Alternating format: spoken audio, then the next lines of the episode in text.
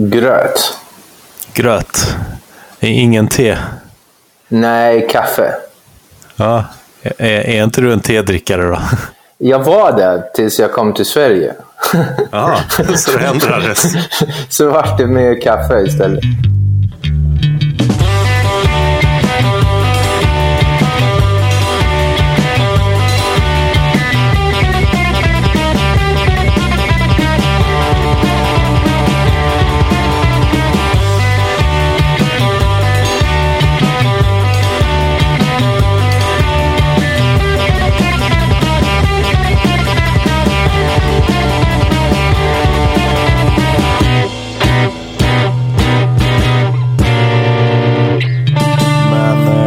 Då kör vi igång. Då, då vill jag hälsa alla lyssnare välkomna till Skateboardpodden och eh, vi kommer göra något som vi aldrig gjort förr i Skateboardpoddens historia. Eh, vi kommer spela in distans, men förhoppningsvis så kommer ljudet vara riktigt bra fast det är på distans för att vi använder en speciell mjukvara och jag har skickat en USB-mick till vår gäst och jag tänkte jag kan ju börja presentera gästen direkt för vi har ingen Mattias med oss den här gången. Och jag vill hälsa dig välkommen, Ben Simmons. Tack ska du ha. Hur känns det att vara med i podden? Ja, det känns spännande. Får se, ja. se hur det artar sig. ja, och du sitter i Kumla va? Jajamän. Ja, och det bästa med att spela in är att man kan sitta i vad man vill. Man kan sitta i pyjamas eller... Ja, men jag har precis kommit hem från, äh, från Marieberg med barnen så... Ja. Uh, jag är påklädd kan jag säga. Ja, jag är helt naken. oh, shit! Nej. Jag, jag, sitter i shorts däremot. Det har jag aldrig gjort i Skateboardpoddens historia innan. Okej, okay. ja, det är lite vårkänsla där. Ja, precis. Det blir ju varmt idag. Ja. Men eh, vi ska börja från början. Eh, jag ska bara klicka fram mina frågor här. Eh, vi kan ju börja med ålder. Eller när är du född? Vilket år? 76. Okej, okay, samma år som mig. Ja. Eh, och vad, vad, är ditt första minne av skateboard? Mitt första minne av skateboard var från eh, en eh, kyrkoförsäljning eh, där det fanns en bräda. Ja. Eh, och jag, jag skulle sälja ett par saker. Det, det var en skateboard där eh, som en liten toothpicker eller vad man ska kalla det. Och, mm. och, någon kom och vill, ville köpa den och påstod att de kunde hoppa från tak med den. Mm. Och eh, då, då tänkte jag, ja, men det vill jag nog själv ha. så, så, jag tog det för mig själv hem. Och jag vet inte om jag kunde göra någon trick på, på, på just den toothpicken, men eh, det, var ju, det var ju ungefär där det började. Ja. Men eh, var det det att du ville hoppa från taket som lockade? Ja, det var faktiskt det. Det var, det var faktiskt, det lät intressant. Alltså, jag fick en bild i huvudet av hur, hur det skulle gå till, men eh, det, det, var inte förrän mycket senare att jag hoppade faktiskt från tak. Så. Ja, Okej, okay. vi får komma in på det sen. Men eh, ja. vilket år var det ungefär? Ja, det var ungefär 87. Mellan 87 och 88 där. Okej, okay, så du var 11 år ungefär då? Ja, exakt. Ja. Gjorde du någonting innan? Eh, ja, det är klart du gjorde någonting innan du började åka skateboard om du var 11. Men eh, minns du vad du gjorde innan där? Spelade du fotboll och hur, hur var det liksom att växa upp? Ja, I London så var det mycket fotboll, men jag, jag spelade rugby också. Och ja. eh, så var jag långdistanslöpare. Ja. Så det var... Och Ja, just det. Vi har inte nämnt också att du, du, är, du är ju från eh, England och London. Ja, då, absolut. I nordvästra delen i eh, West Hampstead var jag uppväxt. Ja. Så att det var eh, rugby, men det finns olika varianter av rugby också? Eller? Ja, men vi spelade rugby union som de spelar i landslaget. Ja. Och sen, sen, finns det väl australiensisk rugby också, eller är jag ute och cyklar? Ja, den eh, har jag ingen aning om hur det funkar. Men är inte det ganska brutal ändå, rugby? Det är väl inte så mycket skydd och man krockar väl ganska mycket med varandra? Ja, men jag var så, jag var så spinkig så min, min uppgift var att, att bara springa helt enkelt. Jaha. Lite Forrest Gump-aktigt. Ja, du var ju långdistanslöpare också. Ja, exakt. Så jag tog bollen och bara sprang allt jag hade och kunde vingla emellan folk. eh, Ja, Ja. det var min grej. Ja. Vad, har, har du testat några andra sporter eller intressen? Ja, alltså, jag hade min BMX också, men det var inte så mycket tricks med det. Ja. Det var mest att Ja. åka och se, försöka se cool ut. Ja. var, det för att du hade sett E.T.-filmen eller? ja, exakt, exakt. Ja. Alltså var det nog för alla. Alla ville ha en BMX efter att ha sett den filmen. Ja, det var... Alltså, det fanns så- så många coola BMX på den tiden. Och, och eh, ja, jag lyckades tala till, eller säga till farsan att han skulle köpa mig. Ja. Men eh, skateboard, var det eh, samma sak där? Att det inte var så mycket trick i början? För du började ju på en ganska ja, tuff pickbräda. Ja, exakt. Det, var inte förrän uh, jag skaffade en sån här Veriflex Air Attack från Toys R Us. eh, att jag började trixa, göra 360 och sånt där. På, bara snurra runt 360 och sånt där. Och när jag tröttnade på den brädan så, eh, så vart jag en, fick jag min riktig bräda eh, 88, en Lance Mountain, de cavemen som gör handplants. Ja, just det. Paul Peralta. Ja, jag hade ingen färgordning överhuvudtaget. Alltså det var blå T-Bones hjul med gr gröna gullwing, en, en gul bräda. Eh, alltså, det var bara neonfärger överallt. Det var så 80-tal så det finns inte. Men det är lite roligt för att Lance eh, körde ju för Veriflex först. Jaha, okej. Ja, det hade jag ingen hade aning om. Eller jag vet inte om det var först, men jag vet att han hade en modell där i alla fall. Ja, Okej, ja, men då är det inte lika pinsamt att ha en Veriflex. Nej, precis. men eh, jag tror han pratar rätt mycket om det i eh, ja, Nine, Nine, Nine Club. Ja, ja, okej. Ja, där är ju Lance med. Så han pratar om just det där hur det kom sig att det blev Wireflex. Men det kan jag nog tipsa om lyssnarna att lyssna på den istället för att jag ska återberätta. Ja, absolut. Men eh, hur visste du att det fanns trick på skateboard? Hade du sett? Ja, det, var, det var ju självklart Police Academy-filmen. Alltså, jag, var, jag såg att de kunde grinda och då var det bara wow. Det var Ja. helt otroligt. Sparks kom från truckarna och allting. Och det var, de kunde åka street som jag aldrig sett förut och jag ville bara kunna grinda. Och göra sparks. Alltså jag, spark, jag, jag tror knappast jag har gjort någon sparks någon gång när jag har grindat, men eh, jag har försökt i alla fall. Ja. Men hade du inte någon som åkte där du bodde? I West Hampton? West Hampstead, ja, det, West Hampton, ja. det var min granne Doug.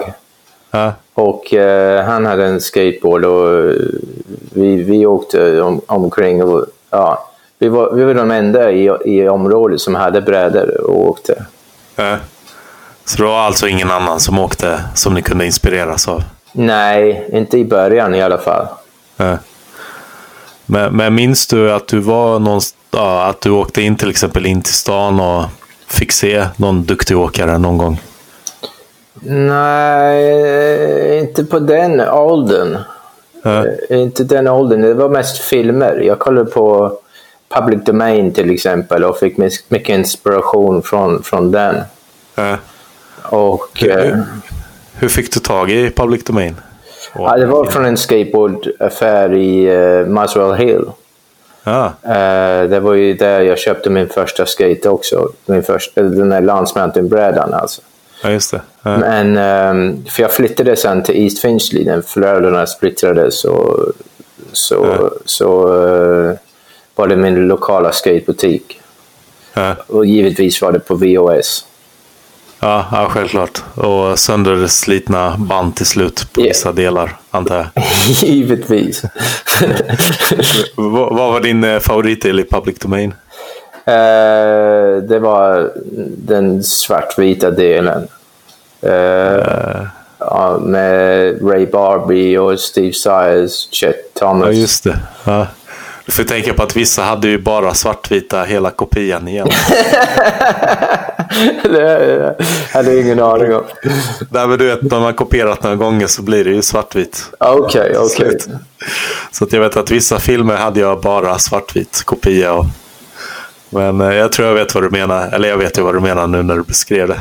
Ja, det är någon clown som introducerar som om de var på... Ja. Sen kommer in världens adrenalinartad punklåt som, som kör igång. Så, så ja, det är kul. Det var Ja. riktigt kul. Den, den delen kollar jag på väldigt ofta. Ja. Var det något trick du, eller vad var det första riktiga tricket du lärde dig efter 360? Ja, det var nog Ali. Det var nog bara nöta in Ali så mycket det, det går. Ja. Och eh, ja, hoppa ner för saker. Ja. Över saker. Och, ja. Lärde du dig något mer sen? Jag tänker på kickflip till exempel. Eller var det... Ja, kickflip. All, allting började komma fram i, när jag flyttade till norra London, till East Finchley. Så då, då, då fanns det mer, alltså hela skolan var, det var världens grej med skateboard och, och, och omkring public domain. Och det. Alla i stort sett hade en bräda. Mm. Och eh, jag lärde mig kickflips och ses, vi kallade dem cess-slides. Jag vet inte varför. Men det var så, sådana där four-wheel slides nerför backar. Det fanns många Ja. ba- backar i, i uh, Muswell Hill och East Finchley. Så Vi bara tog världens fart nerför backen och sen så, så, så, så tävlade man om vem som kunde komma längst. Ja, Just det, just det, jag måste fråga dig, i och med att du inte växte upp i Sverige, men vi kallar det för hatta eller tic-tacka. Ja, menar. tic-tacs. Ja, tic-tacs lärde man. Det var tic-tacs på engelska också, eller? Ja, ja, exakt. exakt. Ja. Men det fanns inga andra roliga namn? för Walking det the, cat, Walking the Cat fanns också. Jag kommer inte ihåg. Okej. Ja, det det, det, är när man hattar mellan baktrucken och framtrucken. Ungefär som man går med brädan. Jaha, ja, det heter ju walkover. Walkover. Ja, Okej. Du ser. Men det fanns ju ganska mycket roliga namn på den tiden på allt möjligt. ja, ja, absolut. Folk kom på grejer hela tiden. Så. Ja. Men där, när, i och med att jag frågar om eh, kickflip, för jag vet att första gången jag såg kickflip så var det i RAD eh, 87, Rad. om jag inte minns fel. Och eh, då var så här bara wow, finns det sådana här trick? Och då hade jag inte sett någon skateboardfilm förutom Trashin tror jag. Okej. Och minns jag rätt så är det ingen kickflip med i Trashin. Jag kan ha fel, men... Nej, jag, jag är inte så jättehaj på trashing faktiskt. Jag kollade inte så mycket på den. Men eh, jag har sett filmen för länge sedan, men jag, jag, det var inte den som jag hade själv.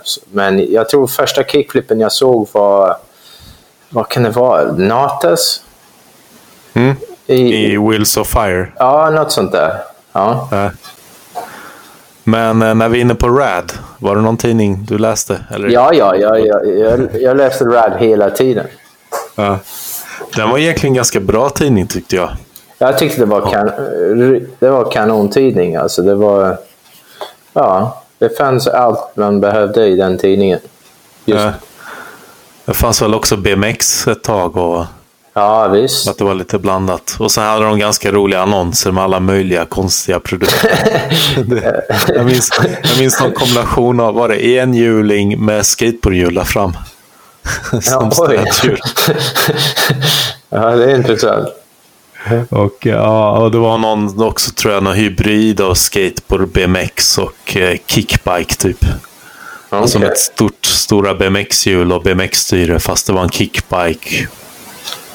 Ja, och sen bräda som en skateboard, jag vet inte. Det var jättekonstiga grejer.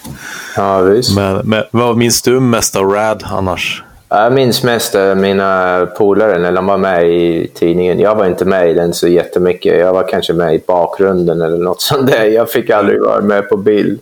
Men eh, Aaron Bleedsdale åkte jag med väldigt mycket i uh, Cantaloupe om du minns. Det, det ligger i Camden. Okej, ja. Och eh, det var som ett stort funbox och sen ett stort banks längst bak eh, i parken. Det var, det var bara det. Det var byggt på 70-talet. Ja, och det var ja. alldeles perfekt för 90-talet.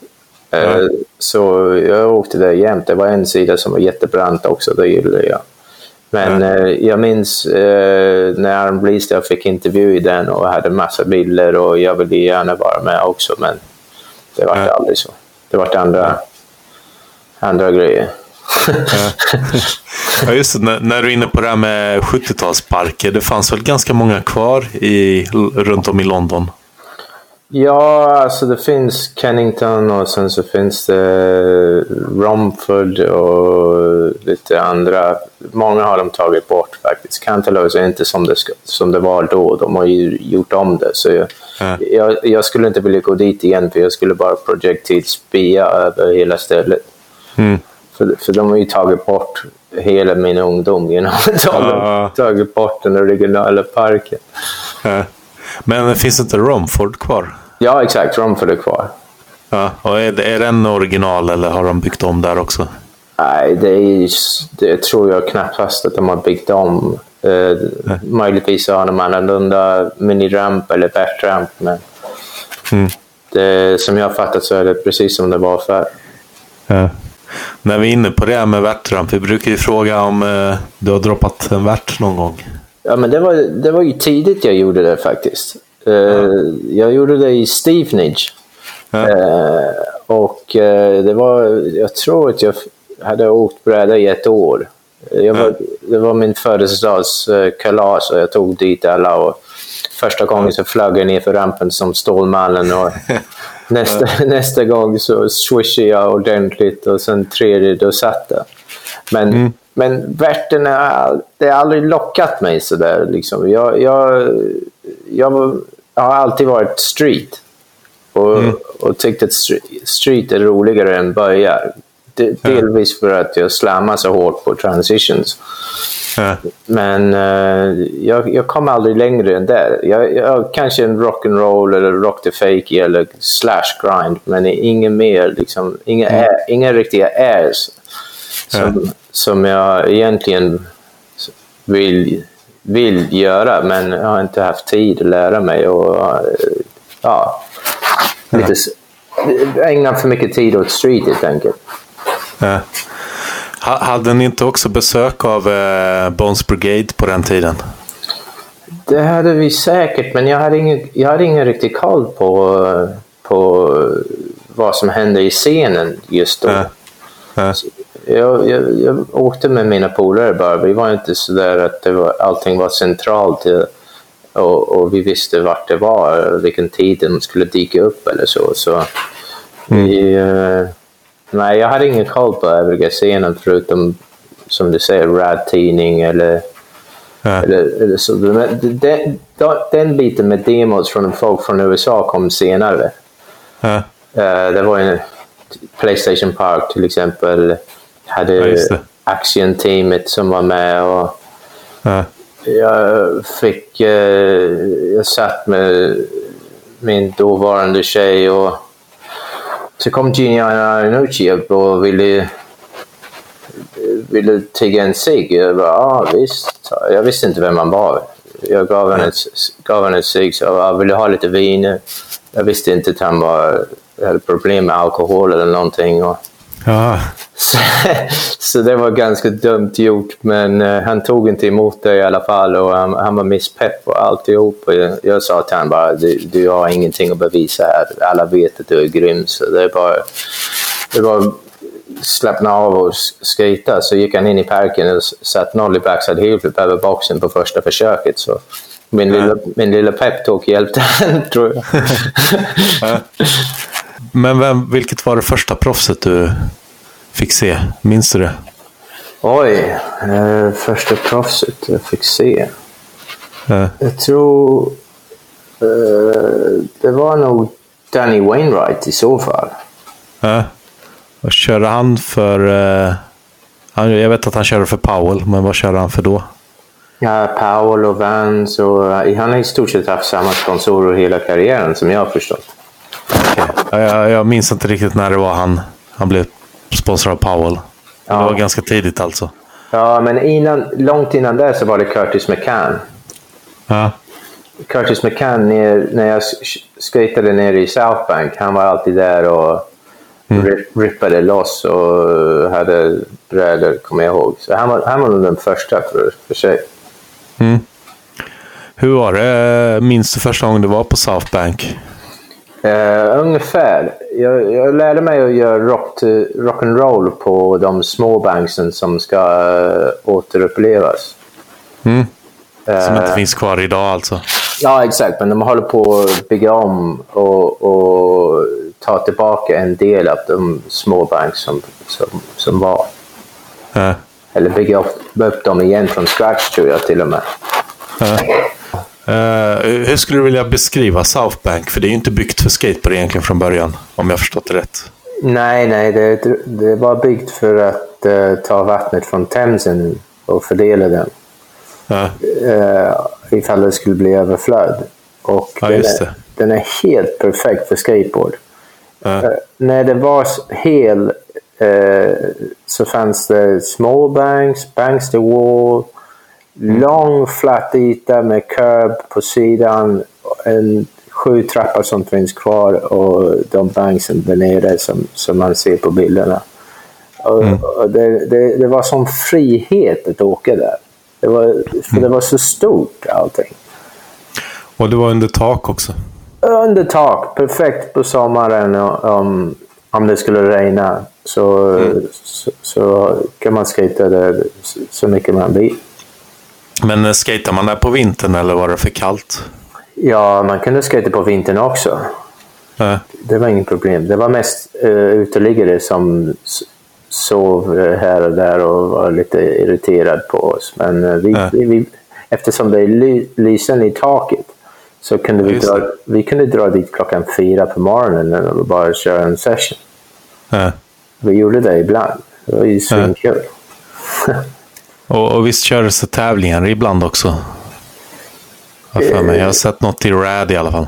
Mycket folk. Ja, ibland var det... Ja, jag var aldrig med på någon tävling där, men däremot så var jag med på en eh, riktig jam session efter eh, Plan B-filmen Second Hand Smoke. Ja, just det. Ja. Och det var ju efter det som eh, Carl Shippen gjorde frontside flip över den dubbla barsen som var i vägen för smallbanksen. Ja. Det var helt otroligt. Och- Var Plan B-teamet också där? Nej, nej. Nej, men eh, jag minns att eh, Danny Wainwright var ju peppad på eh, Jeremy Rays frontside 360 så han försökte emulera det ner för sjuan och det gick inte så bra. Men... Ja. lite mindre, lite mindre tid på sig kanske. Ja, visst. Ja. Men, eh, Vad, vad fanns det mer för, eh, förutom eh, South Bank? Fanns det mer sköna spots runt om i London som du åkte till? vi hade vår speciell curb i, i Warren Street. Eh, det var svart eh, marmorkurv vid sidan av en bygg, eh, byggnad. Och den var så underbar att grinda på. För det, det, du bara lockade in direkt och kunde glida hur långt som helst. Men eh, det, ja, efter några år så, kom de, så vart de irriterade på skaterna och satt ordentligt med skatestops på dem. Ja. Så, så det. Hur, hur var det annars med att växa upp och skata? Alltså är det mycket... Får man mycket problem med polisen där eller är det... Det är ju inte USA antar jag, men... Nej, alltså jag har aldrig haft problem med polisen överhuvudtaget. Och kanske en gång i Victoria när jag var lite manisk och skulle göra frontside ollie över en kon utanför Victoria station som är väldigt Ja. befolkad. Ja. Så ehm, då, då kom polisen. Det var helt sanslöst. Polisen kom fram. De, eh, jag skulle bara justera mitt bälte. Jag hade en sån där flygplansbälte som man skulle eh, ha när man skater. Mm. Och eh, jag skulle bara justera mitt bälte. De trodde det var en pistol så han kom ner på knäna och riktade sin pistol mot mig. Åh jävlar. Oh shit! Jag, jag, jag bara, ursäkta men vad håller du på med? Ja. Han bara, vadå? Han pratade på engelska till mig och jag pratade på svenska till honom. För jag tyckte det var kul. Ja, okej. Ja, då hade du redan eh, bott i Sverige ett tag? Eller? Ja, exakt. Det var min återkomst ungefär 97 någonstans, 98. Ja. Eh, var jag tillbaka i London en, en sväng. Mm. Och eh, ja, de, jag pratade med några uteliggare på, på svenska och de försökte översätta fast de inte hade en aning vad jag pratade om. Och jag snackade så mycket skit om de stackars ja. poliserna. Och sen gick därifrån och asgarvade liksom, för de kunde ja. inte göra någonting. Men det var... De igen, jag tänkte om jag, om jag hade inte varit liksom lite sjuk av mig så hade jag nog varit rätt skrämd av den här situationen. Ja. Men du bara tog det lugnt där då? Ja, jag, jag bara garvade hela tiden. Då. Ja. ja, vi ska komma in på det lite senare tänkte jag. Men eh, bara för uh, ah, så att jag håller koll på tidslinjen. När flyttade du till Sverige? Eller? 95 flyttade jag ja. till Sverige och det ja. var utan bräda. Ja. Ja, men då, då hoppar vi in i det lite senare. För jag är ändå nyfiken för att 92-93 känns som ganska mörka år inom skateboard. Hur, hur var det i, i London där, skatescenen då? Ja, det var eh, otroligt stora baggy pants och ja. min, minimala hjul. Och uh, alla bara garvar åt oss hela, ja. på gatorna. Ja. Ja, du har ju någon gummisnor runt kullagarna. Alltså, vad, vad har du för bräda? Men ja. det, var ju, det var ju inne då. Mm. Och det var en mörk period med tricks också med tanken på så mycket pressure flip-tricks som kom. Och, ja. och, det var ingen ordning på skateboard på det viset. Ja. Att det, det fanns inte någon ren...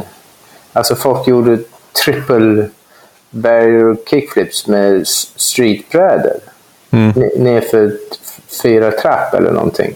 Ja. Och det, det vart bara mer och mer bisarrt.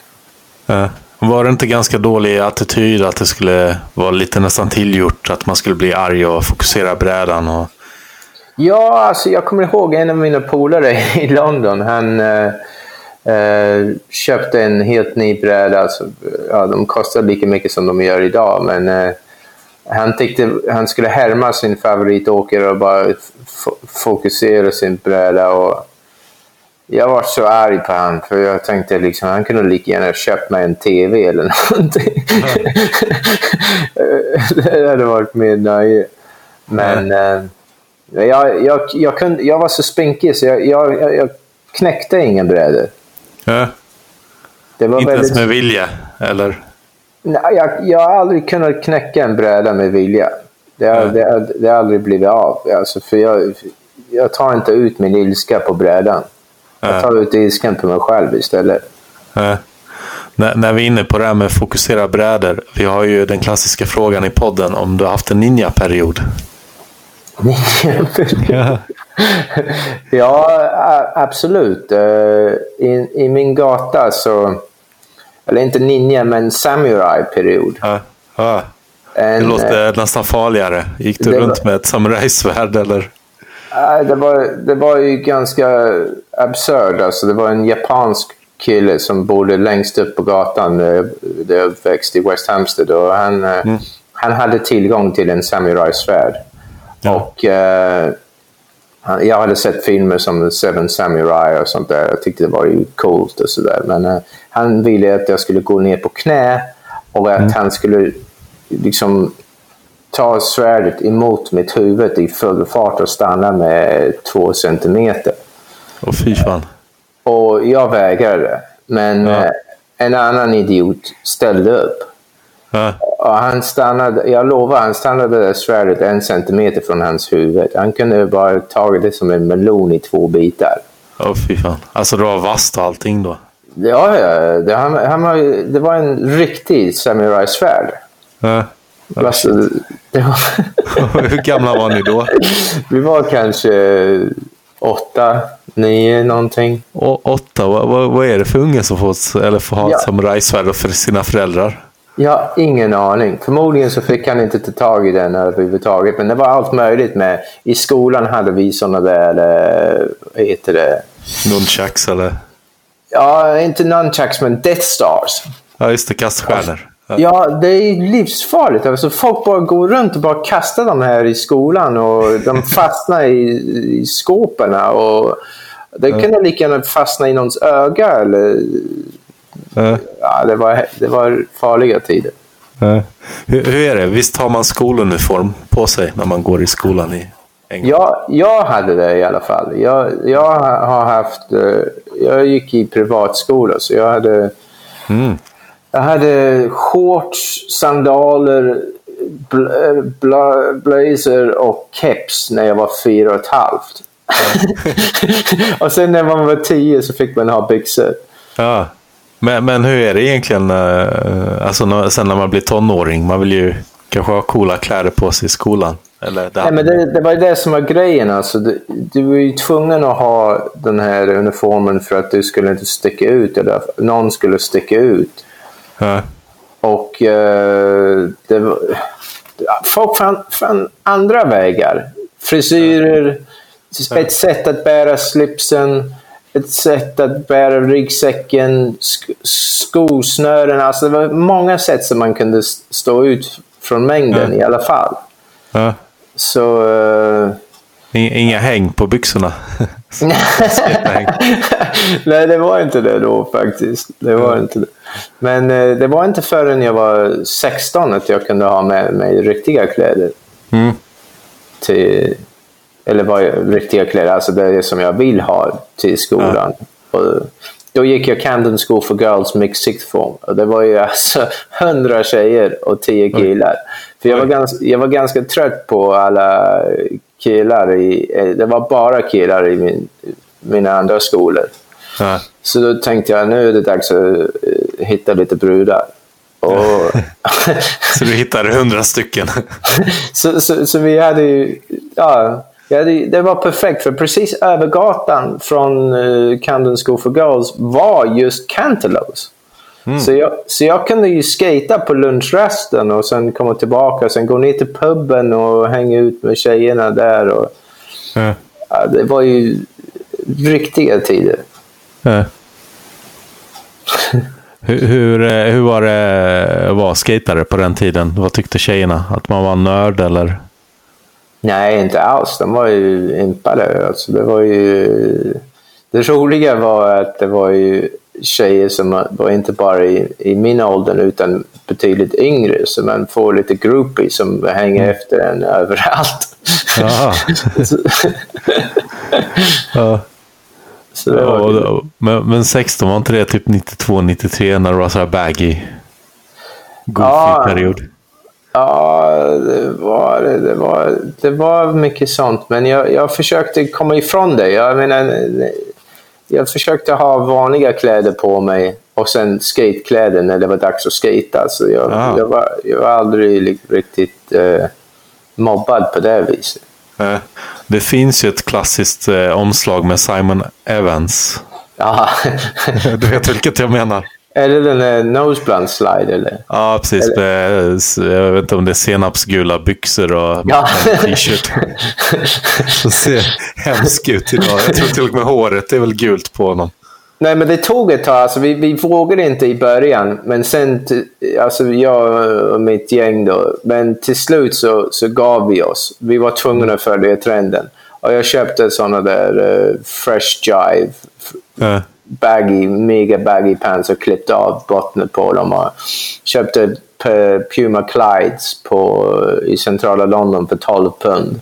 Eh, och, och, och skata runt med feta skosnören och sånt där. Det var ju en, en eh, ja, det var en period där vi var som får i stort sett. Ja, verkligen. Och, och visst kom det väl en Ray-period där samtidigt också som att man hade ungefär samma kläder på sig med baggy. Ja, ja det, det stämmer. Mycket Happy Mondays och sånt där. Ja. Men du var inte inne i den scenen eller? Jo, det var jag också. Ja. Ja, absolut. Jag lyssnade på eh, hardcore och var med på massor med raves och sånt där också i London. Var inte Jocke Olsson där då? Han körde för Deathbox och hängde väl ganska mycket Har jag för mig, på sådana raves. Ja, jag hängde aldrig med han. Jag, jag träffade han kanske en gång. Jag tror inte Ja. han skulle komma ihåg mig överhuvudtaget. Ja. Nog på Fryshuset någon gång. Ja.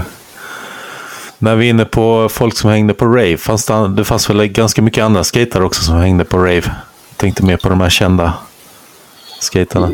Ja, det var det inte, var inte till och med Mike Carroll inne i rave-scenen ett tag. Ja, jag är lite osäker. Men jag vet att det var mycket där. Ganska kort period. Okej. Så. Men eh, annars när vi snackar om folk där runt den tiden, 92-93, så vet jag att Tom Penny börjar komma fram på skateboardscenen en hel del. Ja, ja. Absolut. Har du något eh, första minne av Tom Penny runt den perioden? Ja, det var nog på Radlands i så fall. Det var Ja. första gången jag såg han och tänkte vad är det här för kille? Alltså, han, han är ju långt före tiden. Jag kom upp till ac- 5 axel kickflip till fake i, quarterpipen och Ja. jag tänkte, jag var imponerad faktiskt. Och Ja. Jag tänkte inte så mycket på hans stil just då. Jag tänkte mer att han gjorde så komplicerade trick. Ja. Eh, Det var inte förrän senare att han fick ju sin berömda stil. Mm. För han var ju otroligt baggy på den tiden här för mig. Ja, ja.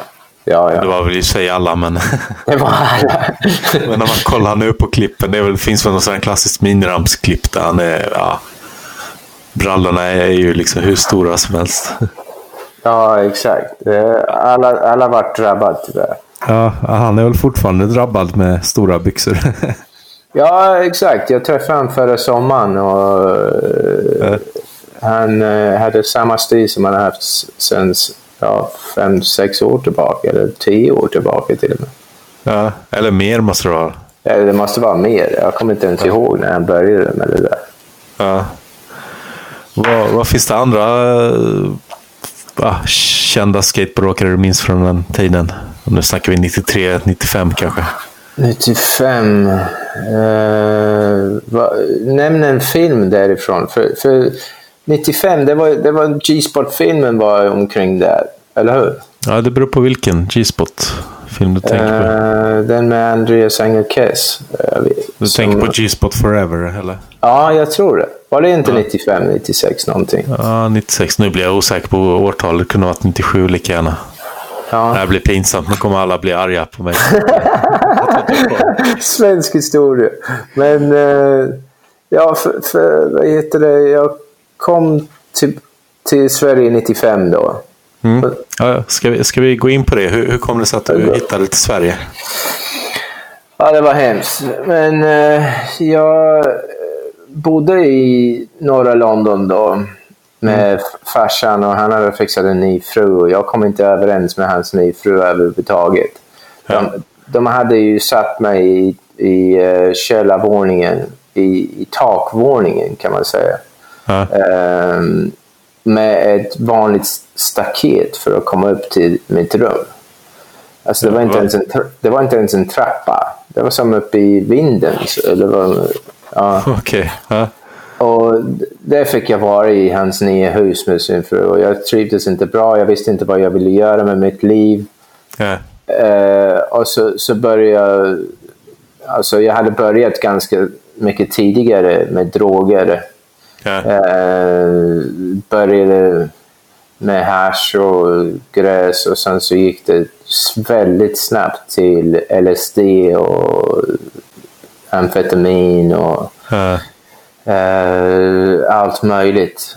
Eh, och, och det, när jag var omkring det, i den eh, miljön med min farsa och, och, och hans fru så mådde jag väldigt dåligt.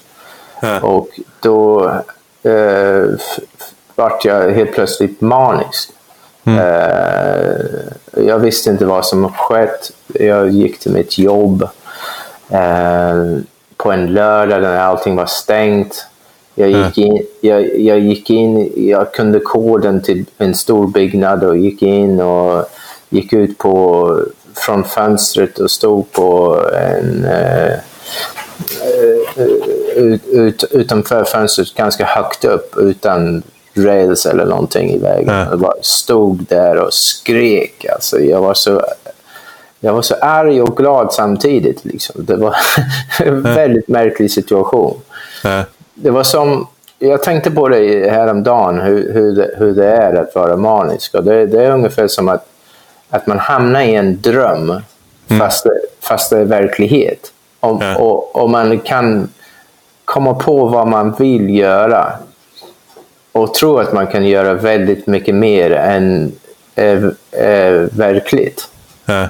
Det är en underlig situation. I alla fall, jag stod ju där och skrek. Och, och polisen kom och tog mig in. Och så, så var det psykiatrin och Ja. Vad var det för Eh. jobb, jobb du hade då?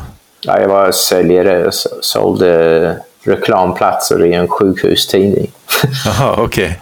Ja. Och- och- Så det var, det var på ett kontor alltså, som du var inne på på, ett, på ett kontor fast, fast på en, eh, en vägg som var utanför fönstret på ungefär femte våningen. Oj. Så folk såg mig och trodde att jag skulle ta livet av mig. Ja. Så, Men det var inte riktigt det du hade tänkt att göra? Nej, nej, jag skulle bara skrika att jag var den sista skatare kvar från norra London. Ja. Och alla andra hade gett upp. Det var i stort sett så. Hela min skola hade gett upp med skateboard. Och jag, jag kände mig stolt att jag hängde kvar. Ja. Så kom polisen och tog mig och kastade in mig. Och så kom läkare och pratade med mig. Mm. Och jag sa till honom att han frågade om jag hade tagit droger. Jag trodde att det var en intervju för en tidning eller någonting. Så jag, Ja. jag rabblade upp allting. Ja, jag har tagit LSD och allt det där. Liksom. Så, så, så vart det snabbt in på akutpsyk och när, när jag var väl där så var jag väldigt uppe i varv. Och, så de gav mig någon hästdos av någonting som jag inte ingen aning vad det var för någonting. Ja. Och när jag väl vaknar så ser jag min morsa framför mig. Och det, och det hade gått två veckor. Oj. Ja. Jag, hade, jag trodde det hade gått en dag. Ja. Det hade gått två veckor. Jag, så hon eh, övertalade läkarna att ta mig därifrån. För jag skulle, jag skulle ha svårt att komma därifrån om inte jag gick till Sverige. Så, så då valde jag att gå till Sverige. Jag tog inte med mig min bräda. Eh, min syster tog med, med sig den eh, som julen 95. Ja. Och eh, då var det snö. Ja, bara, bara, bara så jag hänger med. Alltså, din mamma bodde i Sverige då, eller? Ja, min mamma är svensk. Och, ja, din mamma är svensk? Ja. Ja, hon bodde i Sverige. Hon hade splittat från min pappa och, Ja. och eh, bestämde sig för att vara närmare min mormor. Mm. Så, som, eh, så min morsa är faktiskt född i Kumla. Så är Mm. därför jag, därför jag f- hamnar här. Ja, precis. Och det kan vi avslöja de som inte känner till det, att du bor ju i Kumla då. Eller nu Ja, menar jag. Ja. Storstan. Mm. men men eh, när, när jag väl fick tag i den eh, brädan, jag, låt, jag, jag, jag tittade på den några dagar utan att röra den och sen så, sen så tänkte jag att jag kan väl prova. Så jag Ja. testade på verandan, fast det var snö överallt. Så testade jag på verandan och gjorde lite trick. Och sen så i skjulet så var det som en betongyta på två meter gånger en meter. Ja. Och där, där hade jag min eh, Led Zeppelin och Old Dirty Bastard och allt sånt där i, på kassett Ja. i, i fickan och bara nötade in 360 flip och switch heel flip och sånt där. Och när, när jag kunde sätta dem igen så vågade jag ta kontakt med gamla skatekontakter i, i Kumla. Ja. ja, för att du har varit i Sverige och hälsat på Ja. såklart. Exakt. Jag hade ju gamla polare från Kumla by och Mm. eh, Sami och ja, många. Och, och då lärde du dig svenska egentligen genom din mamma. Du lärde dig inte svenska när du kom till Sverige 95. Om jag förstår. Jo, jo. Ja, du, ja, du kunde inte så bra svenska. Jag kunde ingen svenska alls när jag kom. Aha. Jag kunde i stort sett säga tack för maten och hej. Ja. Uh, mjölket är slut. Men uh, jag gick på SFI mm. och, och, lärde mig svenska. Och mm. det, jag lärde mig inom sex månader. Mm. Och sen, sen har det blivit bara bättre och bättre. Ja. Förhoppningsvis. Ja. Och eh, när du kom till Sverige där. Eh, jag menar i och med att du höll på med droger och sånt. Var det bara en tvär, eh, tvärt slut på allt sånt? Ja, ja. Jag hade bestämt mig för länge sedan. Eh, att det var ju färdigt med det. Ja. Men så, så, var inte fallet direkt. Men jag, jag, har i alla fall aldrig tagit droger i, i Sverige. Ja. Kan, jag, kan jag säga. Ja. Det, är jag glad över i alla fall. Ja. Och, eh, och ja, berätta lite, hur var, hur var skateboardscenen i Kumla? Ja, alltså det var ju... I Kumla by har vi en streetyta på uh, en basketplan. Och sen så finns det, hade vi ett tak på en tennisbana. Mm. 96 så kom Ricky Sandström, uh, Andreas Engelkes och Leuten till Kumla by och byggde upp våran park med brandbanks och, ah. och funbox och sånt där. Ah. Jag visste inte så. att de hade en snickar... ja, snickarperiod. Ja, Ricky Sandström fick en hammare i huvudet när han fick en stöt på när han skulle få... Ja, han hade värsta blåöga, blåtira eller vad Vadå, han fick en stöt och tappade hammaren eller vadå? Nej, nej, han, han, han slog en spik och, och hammaren studsade tillbaka rakt aj, i fejset aj, på honom. Aj, aj, aj. Uh. Ja. Ja. Så det var så, så mycket för den snickartalangen eller? ja, den fick ihop verken i alla fall. Vi var, vi var väldigt nöjda. Ja. Och, eh, vilka kända Kumla-skatare? Eh, eller vilka, om du droppar några namn från den tiden. Vilka var det du skejtade med då i Kumla? Ja, det var Albert Bukell, eh, Jens Karlsson, Stefan Pena, eller Esteban Peña som han kallas ja. idag. Eh, Karika Lunki, Jan Elfsten. Alltså det, var, det var ganska många. Ja. Jag, kommer inte, jag, kommer inte, jag kommer säkert missa några, men ja. just på den tiden var det, var det mest de och Jompa var där också förstås. Ja. Sam, Samins brorsa. Ja, just det. Hur, hur eh, åkte ni in till Örebro också på den tiden? Och skejtade, eller fanns det något? Det är väl ja, staden? Ja, det var den där... Eh, Vasaskolan hade en park. Äh. Och där kom till och med action... Eller var, nej, inte action-teamet. Vad var det? World Industries-teamet äh. kom dit. Men de kom när jag hade redan dragit. Äh. Men på den parken så, så vann jag faktiskt uh, en tävling. Jag var riktigt nöjd med. Uh, det var 96, så det var ju, jag hade bara skejtat eh, en kort stund efter den mm. långa gapet. Mm. Men jag var ju peppad som bara den, jag gav allt. mm. Hur äh, åkte du runt också på Sverige-tävlingar? Då? Ja, jag, jag, jag, gjorde det. Jag var i Stockholm på gamla Fryshuset. Eh, Eh, jag var um, i bryggeriet också. Ja. Uh, vi åkte runt en del faktiskt. Och jag vet ju att du körde för Core ett tag. När var, när var det? Uh, efter jag var... Jag, första sponsor var G-spot. Ja. Efter, efter den här tävlingen så, så fick jag hookup från David Hedman och Danne Schön. Ja. Och det var ju riktigt bra. Mm. Och sen, sen drog jag till England, men när jag kom tillbaka då, då fick jag hookup av uh, Core. Ja. Och uh, det var omkring den tiden när BC skulle öppnas också. Ja, just det. Brädcentralen. Den ja, inomhusparken där. Ja, exakt. Och det var 99 och, om jag inte minns fel. 99, ja exakt. 99. Och de ville så gärna att jag skulle prestera i den tävlingen för de ställde krav på mig. De tyckte, tyckte inte jag hade gjort så mycket kanske Ja, okej. Ja. Så, så lyckades jag komma tvåa på den. Så det var riktigt Ja. Ja.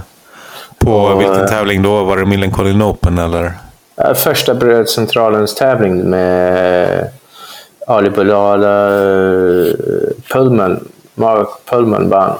Ja, och du kom Ja, tvåa. Ja, Lovin Roth var med och David Engzell och massa stora. Ja.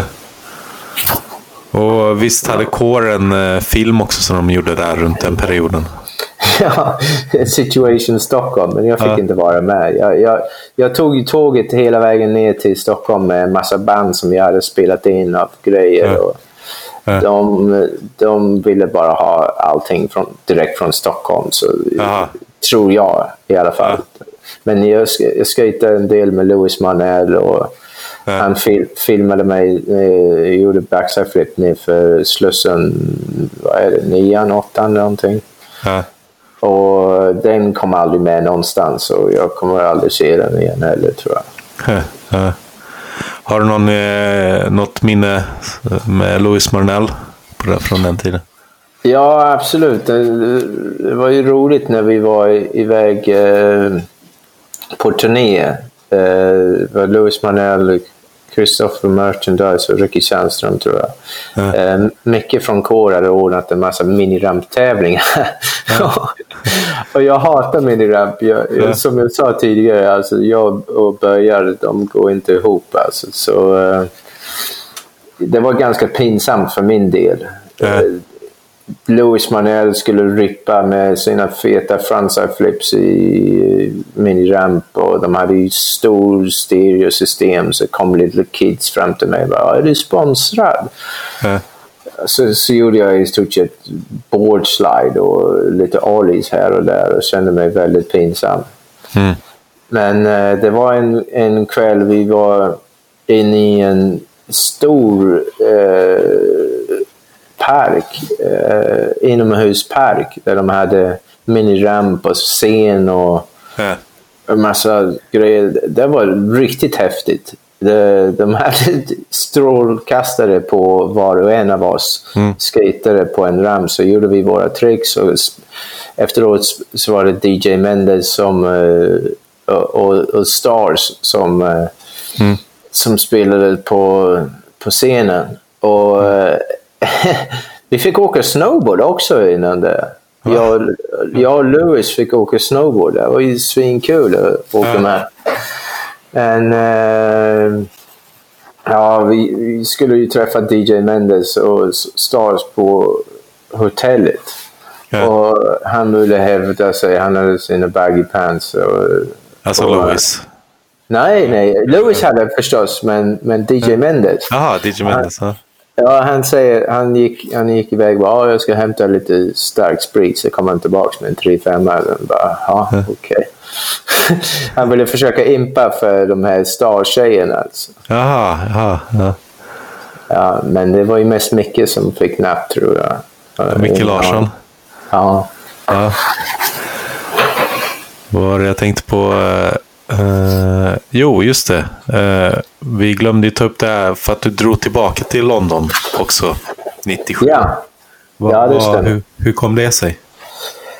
Jag hade som hemlängtan bara. Jag, ville ju, jag, ville, jag saknade South Bank, jag saknade mina vänner i London och jag ville ju visa för England vad jag går för. Att jag är tillbaka, att jag är mig själv igen och att, att alla måste ju se och, Ja. Och, man måste se att jag klarar av att leva. Eh, Så jag fick inte faktiskt bo hos farsan. För han, s- men min syster var kvar i England då, i Northampton, där Ja. Radlands ligger. ja, just det. Och så, jag fick bo, så jag tänkte ja, men det är ju hur coolt som helst att vara nära Radlands. Så, så jag flyttade dit i två år. Eh, Och eh, fick min första, ja, första sponsor i England, Inner Circle hette de. ja, just det. Det Känner igen hit- eller? hiphop-inspirerad eh, grafiker Ja. och, och väldigt, väldigt skickliga. Eh, Ja. Det var i stort sett jag och DJ Noise som var eh, sponsrade av Inner Circle och det stod så i, i en tidning. Ja. Jag, jag, tyckte, jag tyckte det var rätt häftigt. Ja. Hade, hade du någon sponsor innan du kom till Sverige i England? Uh, nej, alltså det var ju kanske en t-shirt jag hade fått. Eller Slam City faktiskt kom fram till mig och sa att de skulle ge mig flow på rhythm eller något sånt där. Uh. Eller, något billigare pris eller någonting. Men uh, det, var ju, det skulle kunna ha blivit någonting med Slam City, men sen så vart jag sjuk. Så. Ja. Och Slam City är väl den mest, vad ska man säga, core shop som finns i London, eller? Ja, ja, absolut. Det är en riktigt bra butik. Ja. Och finns fortfarande? Ja, ja, jag var där förra sommaren och hälsade på. Ja. Men eh, ja, du åkte tillbaka till London, men sen så, hur länge var du där? I, ja, det var inte... Northampton ligger en bit utanför, men eh, jag, jag brukade ta bussen ner till, till centrala London varannan helg. Ja. Och jag var där i två år. Mm. Under den perioden så, så, så, fick jag en sponsor av Radlands också till slut. Ja. Vad, inne, vad innebär det att vara sponsor av dem? Jag fick, de hade egna brädor, så jag fick två brädor i månaden eller någonting. Och, och sen var jag vill i butiken så länge som jag var inte överambitiös. Mm. så, så det var ju riktigt bra. Så fick jag tävla åt dem och, och ha inner circle-kläderna på mig. Och, ja. ja. det funkade jättebra. Ja. Men... Eh, jag antar att du var tvungen att jobba samtidigt? Ja, ja jag, jag jobbade med marknadsföring och lite andra små jobb och sådär. Mm. Eh, så vart det samma. Upp som en sol, ner som en pannkaka. jag var tvungen att testa droger igen. Mm. Och det tog två veckor. Så, vart jag, så hade jag målat om i stort sett hela in, in uh, inne i huset där jag bodde med fem andra hade jag målat om hela vardagsrummet och hela mitt rum. Och bara med graf graffiti. Och... Jaha, oj. Ja. Du har, hållit på, du har hållit på med ganska mycket med graffiti? Jag håller på, eller? Ja, ja, absolut. Det ja. tycker jag om. Men eh, det var mest i England där jag körde på gatorna och tåg och sådär. Men eh, i, I Sverige har jag inte gjort lika mycket för jag, jag vill inte åka fast för det helt enkelt. Så det, det är därför night, uh, min uh, Night One Skateboards har kommit till så att jag kan ja. få ut, utlösning för, för min graffiti-kreativitet. Ja, eller utlopp kanske man säger. Eller utlopp. ja. Nej, det blir roligare så här tycker jag. ja, ja, det är inget problem. Men, men, ja, precis, för du har ju ett eget märke. Vi kan, ja, vi, vi kan hoppa lite tidslinjen, jag kommer ändå hoppa tillbaka sen. Ja, det. Men, men eh, hur kom det sig att du startade uh, uh, eget brädmärke förutom att du vill ha utlopp för din kreativ, kreativa sida? Ja, det var ju så att uh, ungefär, jag startade min, min uh, tag i 97-98 där, när jag var i, i Northampton. Det var då jag hittade namnet som jag skulle använda. Som, skulle, vara, som skulle vara mitt. Men eh, sen när jag kom tillbaka till Sverige så hände det inte så jättemycket efter. Och mm. så, eh, ja, vad vad hände med Core egentligen? Nej, alltså... han, de var ju... De funderade ifall jag skulle kunna få en bräda till en Millencolin-tävling. Mm. Och eh, jag tänkte, varför ska ni fundera? Ni har gett mig brädor och sånt hela tiden och jag har levererat med footage och tävlingar och demos och allting. Och ni, och ni har inte ens tagit med mig någon film eller någonting. Mm. Så, eh, så jag var ju så förbannad när de skulle frågasätta min deal så jag, jag sa upp mig och gick till eh, WSC. Mm. Och det var ju ingen gratisprodukter överhuvudtaget. Det var bara rabatt jag fick. Men det kändes mm. bättre. Ja. Och efter ett tag så fick jag tag i... Så, så kom PI till mig och ville att jag skulle köra för Kaleidoscope. Mm. Då fick jag vad heter det, brädor och där och kläder och, och, och var, jag var rätt nöjd. Och sen så ungefär 2010 så fick jag egen modell. Ja. Och då var jag riktigt stokad med. Uh, fick ju två stycken.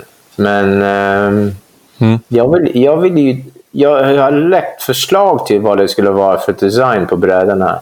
Ja. Men jag fick, jag fick inte riktigt designa dem själv. Ja. Och, och det tyckte jag inte om. Eh, plus att jag, jag, jag var inte nöjd med hur min footage användes i en film. Mm. Eh, eh, det såg väldigt hackigt ut och det var inte så jag hade tänkt överhuvudtaget. Ja. Så jag bestämde mig att ha full kontroll och eh, skaffade en egen kamera och, och sen startade jag upp Night One Skateboards och från att ha bara gjort kläder så, så gjorde jag brädor också Ja. för att ta full kontroll. Ja. Och hur stort är märket? Har du några sponsrar och åkare eller är det mer på hobbynivå eller vad? Det är väldigt hobbynivå. Det, är, det är inte stort för fem öre. Alltså det I stort sett så, så hjälper det mig att eh, åka och få, få kunna designa det jag vill och ha kontroll över hur allting ser ut. Alltså jag filmar, jag redigerar, jag Ja. designar. Alltså det, allting står på mig och den enda som är med är Kalle Larsson som Ja. eh, Kumla, Kumla snubbe som, eh, som i stort sett representerar märket och delar med sig av eh, kostnaderna Ja. för, för vissa grejer. Som till exempel nu vi fått in eh, mer brädor så står han för, för dem som han, han vill ha. Men han får ett bra pris förstås. Ja. Hur, eh, vad ska jag säga, hur, hur, eller vad säljer du dem någonstans annars? Ja, Jag har eh, precis startat en nätbutik. Jag vet, Ah. inte, var, jag vet inte varför. Ja. Eh, för, för man säljer ingenting på nätet. Men jag har en nätbutik på nightOneSkateboards.com. Ja. Och, och jag vet inte om någon kommer att köpa en enda pryl därifrån någonsin. Men, Kan, eh, kan, jag, kanske har de hört podden nu. ja, möjligtvis. Det vore ju spännande. Någon i alla fall kanske. Ja, någon, någon, någon nappa. Kom igen. Du, du får höra av dig sen så får vi lägga upp den första orden. eh, Bevis Ja. på den på Instagram eller något. Ja, absolut. absolut. Vad var det jag tänkte på? Eh, Om vi, om vi backar lite. Jag bad ju dig också skriva ner lite ja, namn och sånt eftersom jag inte haft koll på dig vad du hållit på med i ja, England. Men där ser jag ett namn, Rodney Mullen. Yeah. Om det nu har med England att göra, det vet jag inte. Men Ja, berätta. det har, det har med England att göra. Det, har, det var en A-Team-demo på eh, Radlands. Och det, Mm. Det var var 97 va? Eller? det var runt 97, 98 någonting. Ja. Ja. Och han eh, kom med Gershon Sweat Mosley Mm. och, och, och eh, Mark eh, Johnson. Och Gershon Mosley han bara badade i sin egen svett varje gång han landade. Det var ju pärlar i Radland som jag aldrig funnits för. Ja. Och Rodney Mullen sa att jag, jag trodde inte jag skulle skata. Jag, jag hade druckit några bärs. Så Ja. han sa att den som gör bäst tryck över boxen ska få en bräda. Ja. Så lyck, lyckades jag göra en backside radio över, brädan, äh, över stora fanboxen nu, efter några slams. Och eh, fick brädan. Det var- Av Rodney var- himself. Of the man himself, Rodney Ja. Mullen. Ja. Ja. Eh, och sen så var jag till och med eh, tolk för Englands främsta dövskatare som ville att Rodney Mullen skulle göra en sån där noll, nose pivot turn i vad han gör, två miljoner varv. Ja. ja, just det.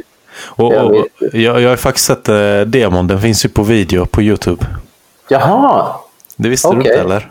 Nej, jag hade ingen aning. Ja, Du ja, får skicka sett- länken sen. Ja, eh, vi kan lägga länken i eh, ja, poddavsnittets info. Eh, han, kör, kul. han kör ju rätt mycket freestyle.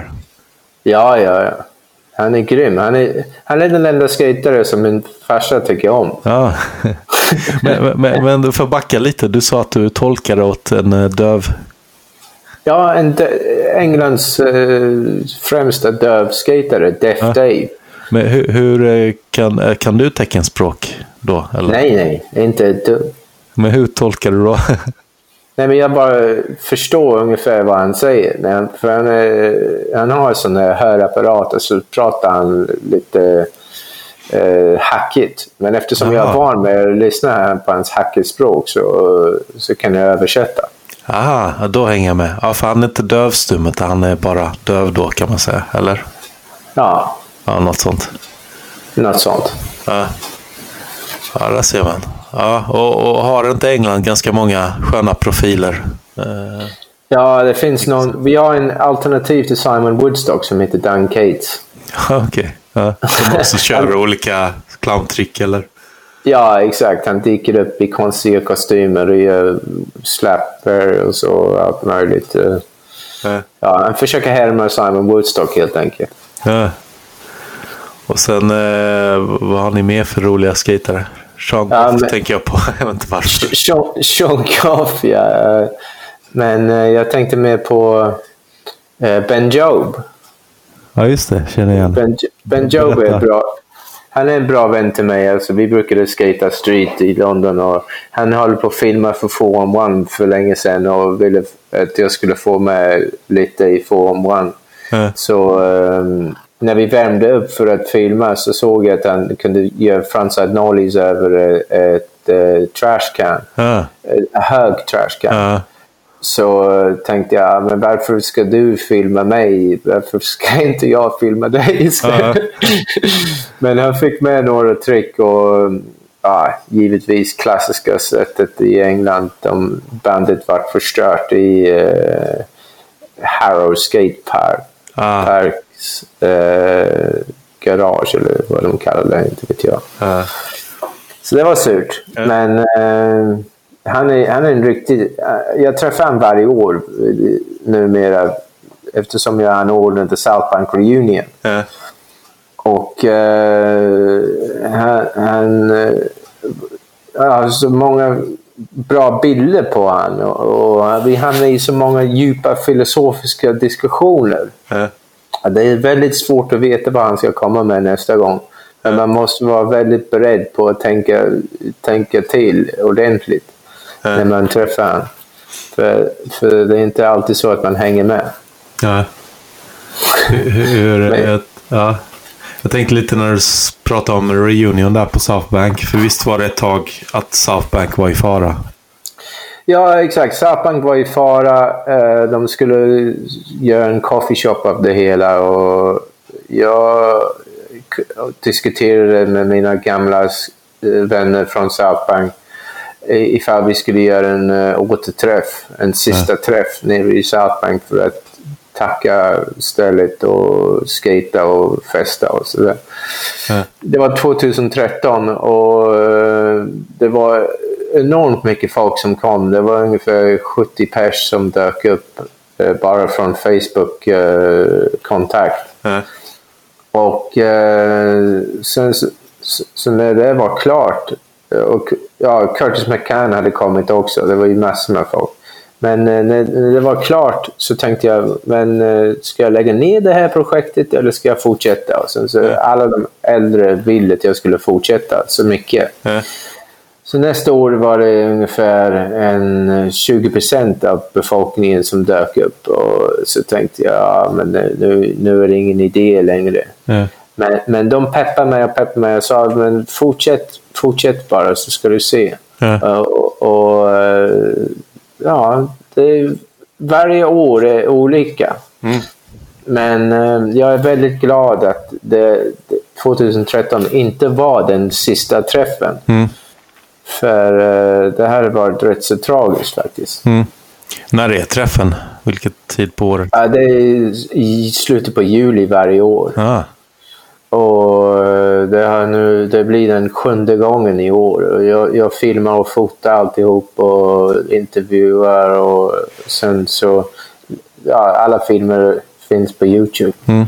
Och du berättar också att eh, de kommer bygga upp eller ordningställa allt. Eller inte allt kanske, eller? Nej, alltså inte allt, långt från allt, men en del, en, en bit mer så det känns lite mer frihet och lite mer åt gamla hållet. Ja. Eh, Vi kommer få en småbank och eh, en curb längst bak och sådär.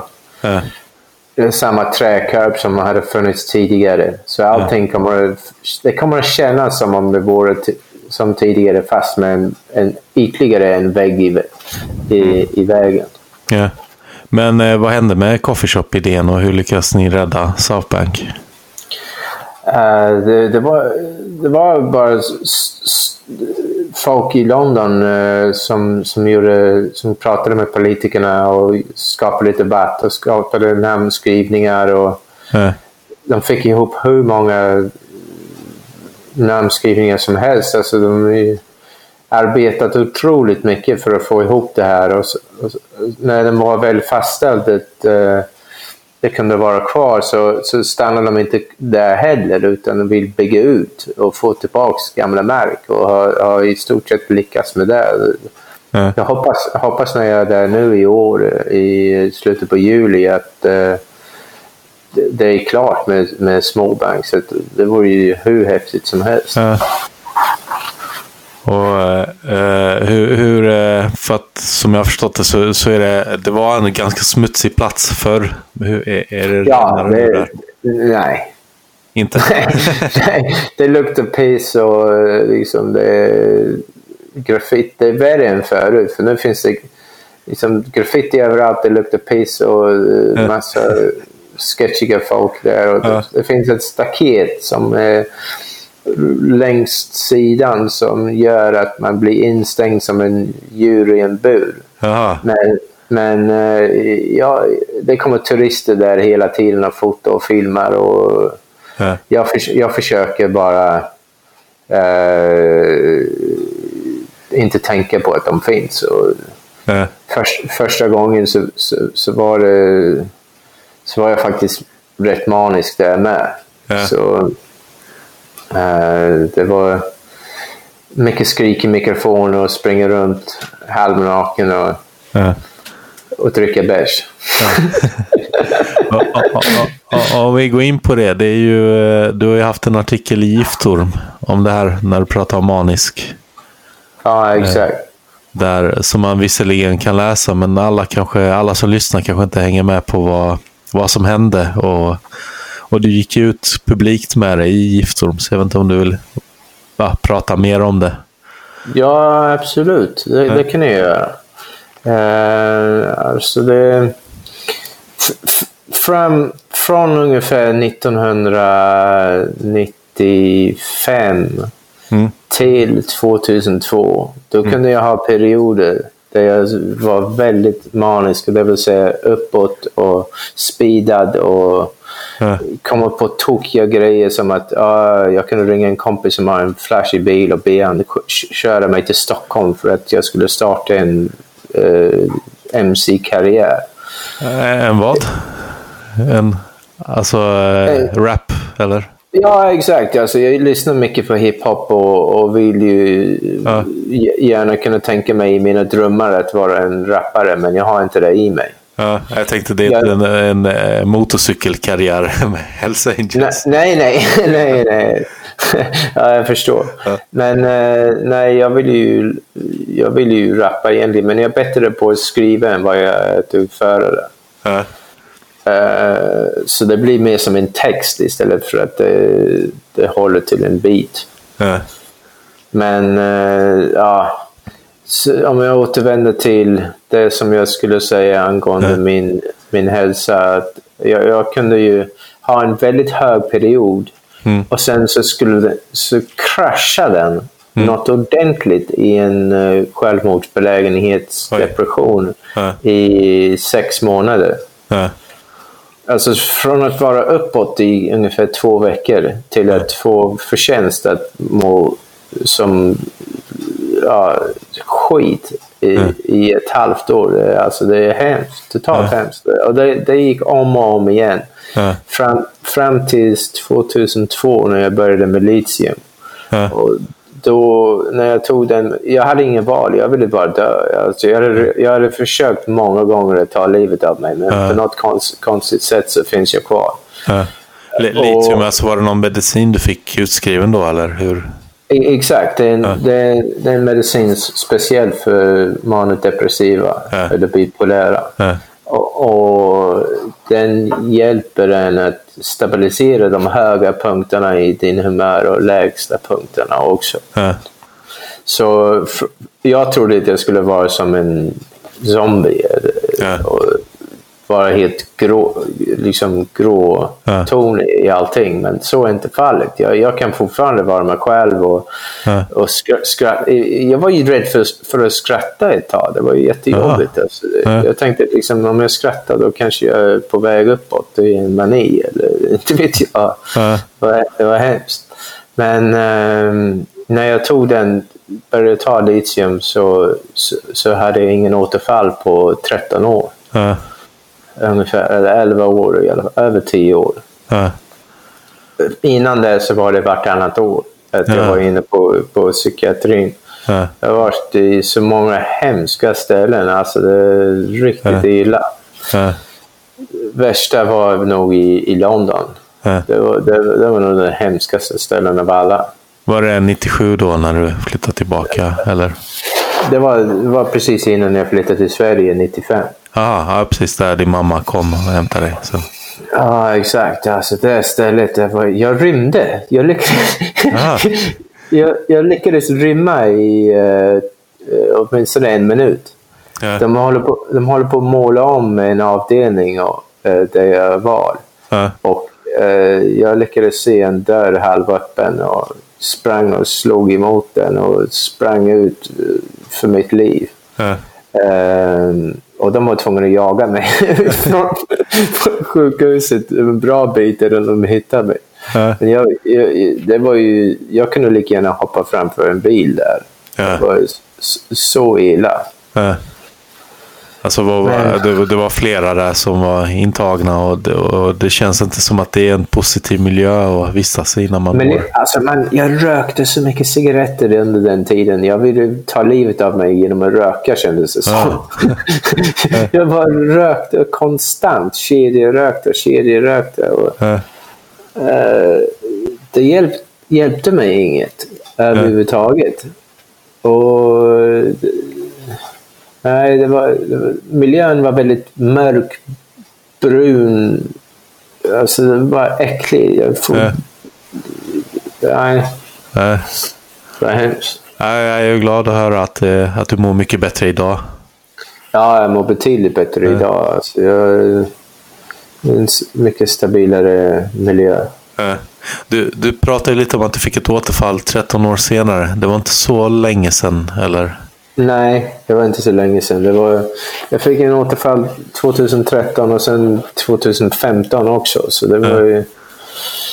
Och, och det var lite, det- lite därför du ville skriva om det på Giftorm också. För att ja, ty, tyvärr så kom det ut lite på sociala medier också om jag inte minns fel.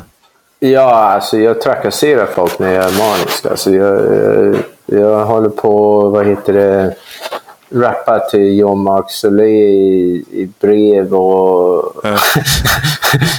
håller på att hota folk som inte behöver bli hotad. Och, eh, jag, jag tror inte...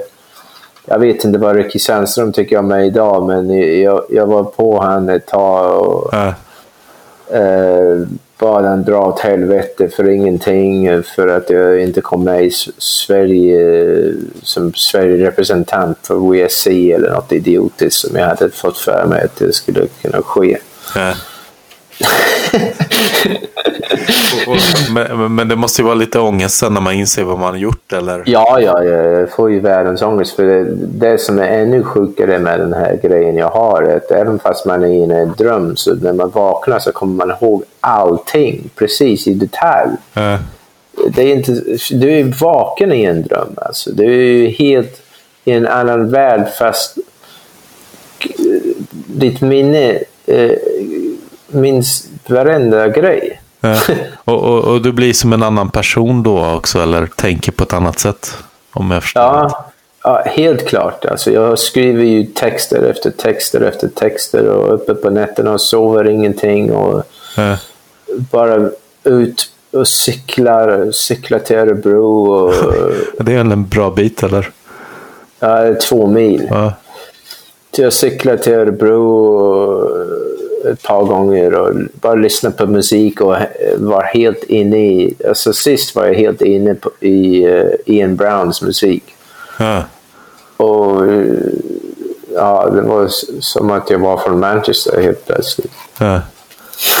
Men, men eh, jag tänkte också på det, men det kändes inte skönt att gå ut i Giftorm i alla fall och få berätta lite mer öppet vad det handlar om?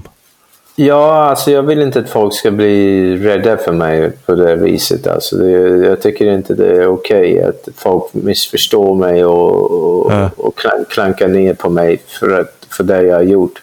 Jag menar, Millencolin Open 2002 var den, uh, det var den punkten i Sveriges uh, historia där alla var på mig eftersom ja.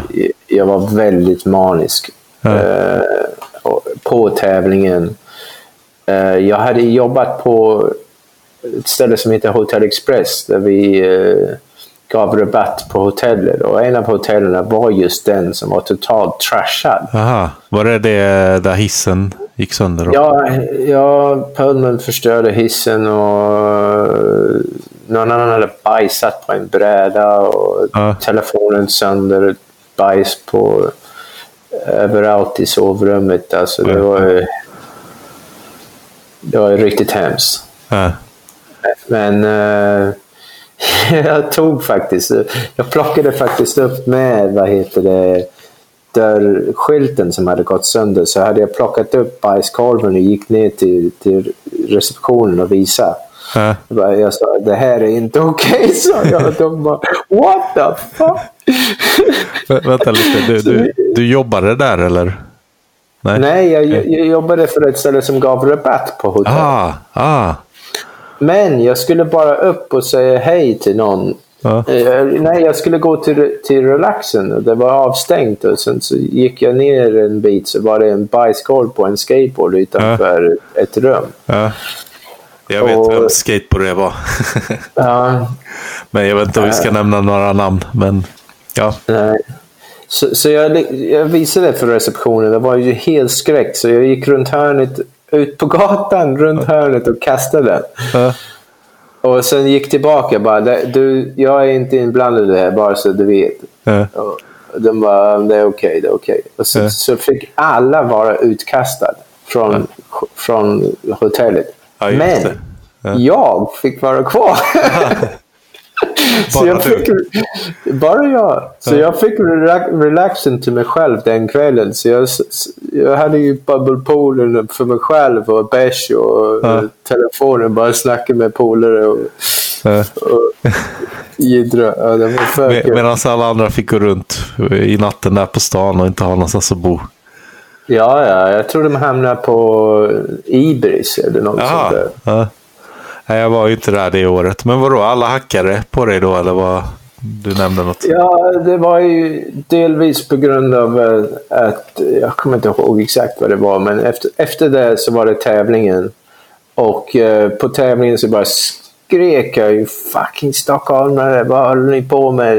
Äh. Skrek på ytan och flyttade på ramper och äh. var allmänt överallt. Mm. Och det syns på den... Alltså det var, det var jag som hittade Millencolin Open-bandet. Ja.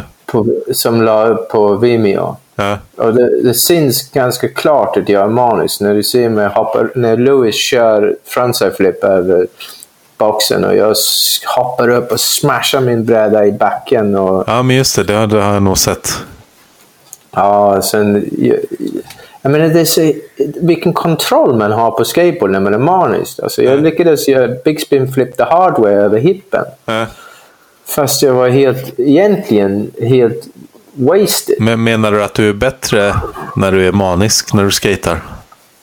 Jag vet inte om jag är bättre, men jag är mer fokuserad.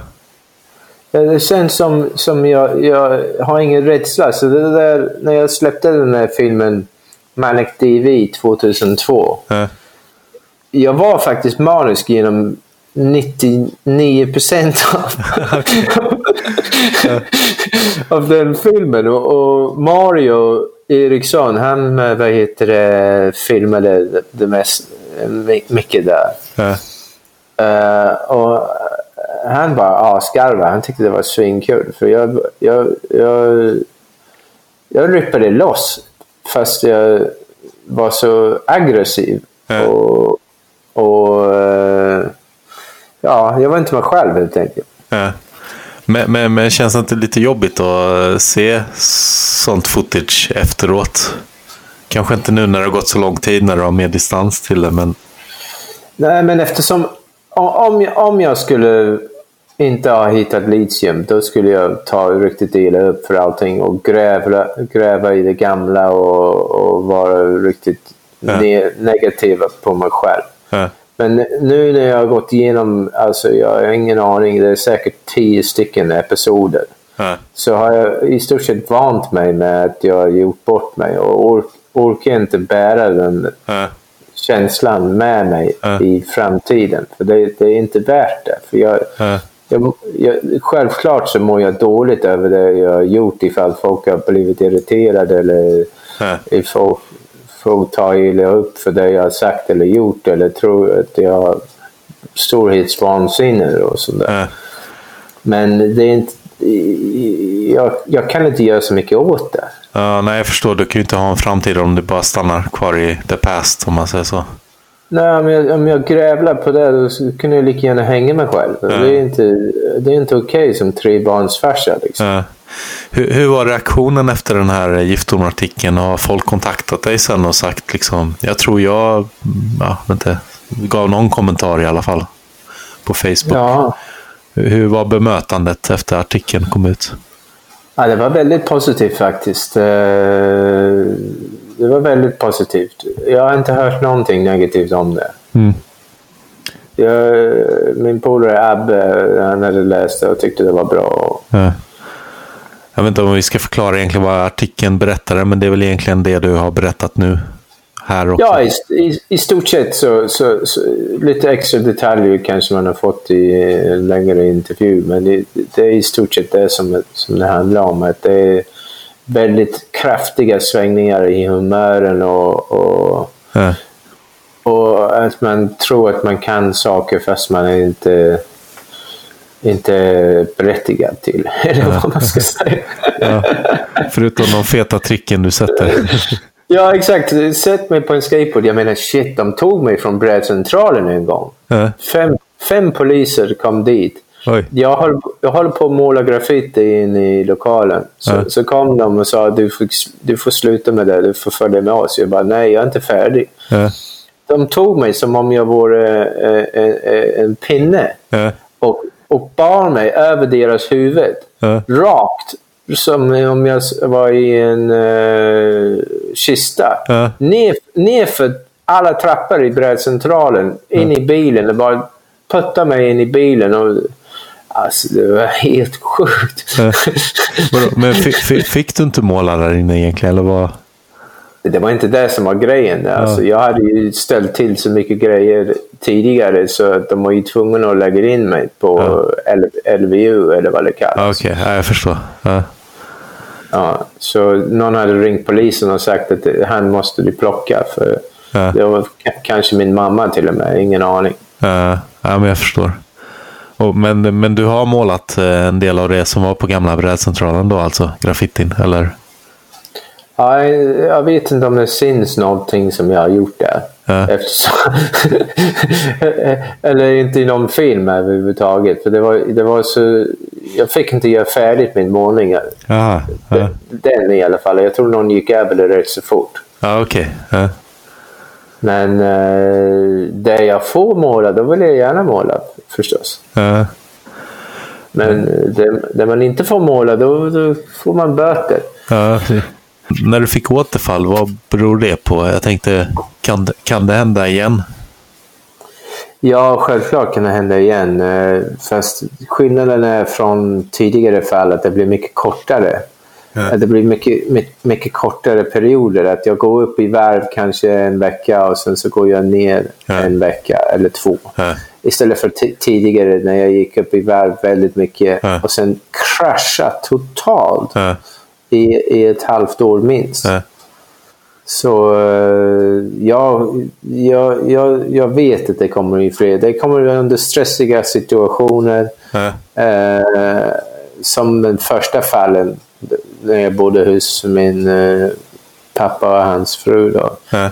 Det är under stressiga fall och situationer eller om man sover dåligt, om man inte har sovit på flera nätter Ja. så, så kan den bara trigga igång en, en manisk episod. Ja. Så det har ingenting med att du bara råkar glömma ta medicinen eller någonting sånt? Nej, nej. Jag tog ju medicinen hela tiden. Men sen så... När jag väl blir i den fasen, man vill inte komma därifrån. För man delvis innerst inne så tror jag man vet vad kommer att ske. Eh, När man väl kommer ner på jorden. Ja. Och känslan när man är på där, alltså det är som att blanda ihop alla droger i en cocktail och, och, och Ja. bara smäller i sig en stor shot. Alltså det är så, man blir så hög. Det är helt otroligt. Ja. Och man, man mår så bra. Ja. Fast man mår väldigt dåligt i verkligheten. Det är, väldigt, det är svårt att beskriva, men jag, jag hoppas att jag har fått någon form av eh, lösning. Hur, hur, eh, vad skulle du ge för tips om det är någon som befinner sig i liknande situation som du befann dig i för ja, 10-20 år sedan? Oj. Eh, stort sett så, så vill jag bara prata med mig själv om eh, i, i det läget och säga att jag, jag skulle, om jag skulle kunna prata med mig själv Ja. 1995 så skulle jag säga bara ta det lugnt och stressa inte upp dig. Det här är inte hela livet. Det är bara en period. Ja. Tiden tickar. Det blir bättre med tid och eh, bara... Ja. Mm. Det är, det är riktigt illa för att det är inte alla som, som eh, klarar av litium heller. Det är inte, så de hamnar på en massa olika mediciner och Ja. de kan försämra eh, syn, man kan gå upp i vikt, man kan få finnar och alltså det Ja. finns, det finns ju hemska vad heter det, biverkningar på vissa grejer som man tar. Så jag, jag lider verkligen med de som börjar få mani och, och depressioner på det viset. Men det ger aldrig upp. Alltså, det finns en annan dag. Liksom. Ja. Hur, hur eh, jag tänker på, eh, du, du skater fortfarande ganska mycket. Jag tror du skater här. Ja, ja. ja. Ja, ja, självklart. Är det någon skillnad tycker du nu jämfört med innan? Med, när du tar litium? Ja, äh, nej, inte det, nej, det påverkar inte min skate-kapacitet. Men Ja. min skate-kapacitet har blivit lite lugnare nivå än vad det var tidigare. Ja. Eh, på grund av åldern, tror jag. Ja. ja, jag tror inte du är den enda. jag menar, jag hoppar inte ut för stora grejer längre. Och, Ja, Just det, vi ska, ska komma tillbaka till det. Du hoppade från ett tak sen till slut, eller? Ja, jag var hos Sebbe. Eh, Sebastian som jobbade på gamla Wii i eh, Örebro. Ja. Och, och Patrik eh, också var där. Och jag var helt manisk. Och, och hade på, på mig alltså vanliga kläder, typ svarta tight jeans. Ungefär som, ungefär som Bulala Ja. var, var klädd. Och denim, eh, Dr. Martin boots eller någonting hade jag på mig. Okej. Och jag, Det är svårt att se, där- mig, se dig i det, men ja. Ja, alltså det, ja, det var ju så. Och, och eh, jag var där på efterfest, tror jag. Jag kommer inte ihåg. Eller efter någon fest, dagen efter eller någonting, dök jag upp och skulle käka frukost hos dem i alla fall. Ja. Så, så köpte jag frukost och så såg jag att de hade någon 80-talsbräda i hallen. Ja. tänkte jag, men det här ska jag vilja åka på. Ja. Så tittade jag ut fönstret så såg jag ett garage. Och sa till Sebbe, ja, men jag, om jag gör ollie från det där garagetaket, skulle du vilja ta en bild? Ja. Jag bara, ja visst. Och det var ingen sådär mobiler som hade så man kunde ta bild på den tiden. Ja, man kunde inte filma eller fota. Det var en vanlig kamera. Ja. Så, eh, så klättrade jag upp på det där taket som, som uh, Ivo Knievel ungefär känns det Med, som. med 80-talsbräda alltså. Med 80-talsbrädan Ja, ja. herregud. Ja. Och, och jag var helt inställd på att jag skulle klara det. Ja. Och, men jag gjorde inte det. Jag gjorde inte det. Men jag, jag, hoppade, jag hoppade i alla fall från taket två, tre gånger och Ja. försökte i alla fall. Aj. Eller? Jo, det gjorde ont. Ja. Det gjorde ont. Men du skadade inte dig i alla fall? Nej, inte så värst. Det var det mest hälarna som gjorde lite ont. Men, men jag skulle inte göra om det idag. Var, var, det, var det på den tiden de hade feta skor med häldämpning eller? jag hade Dr. Martens på mig. Ja, just det, just det, det sa du ju. Ja. Åh, herregud, hoppa från tak. Ja. Ja, det var, se, det kan bli lite vild. Ja. Har, har du kört eh, handrails och sånt också? Feta grejer, eller hur?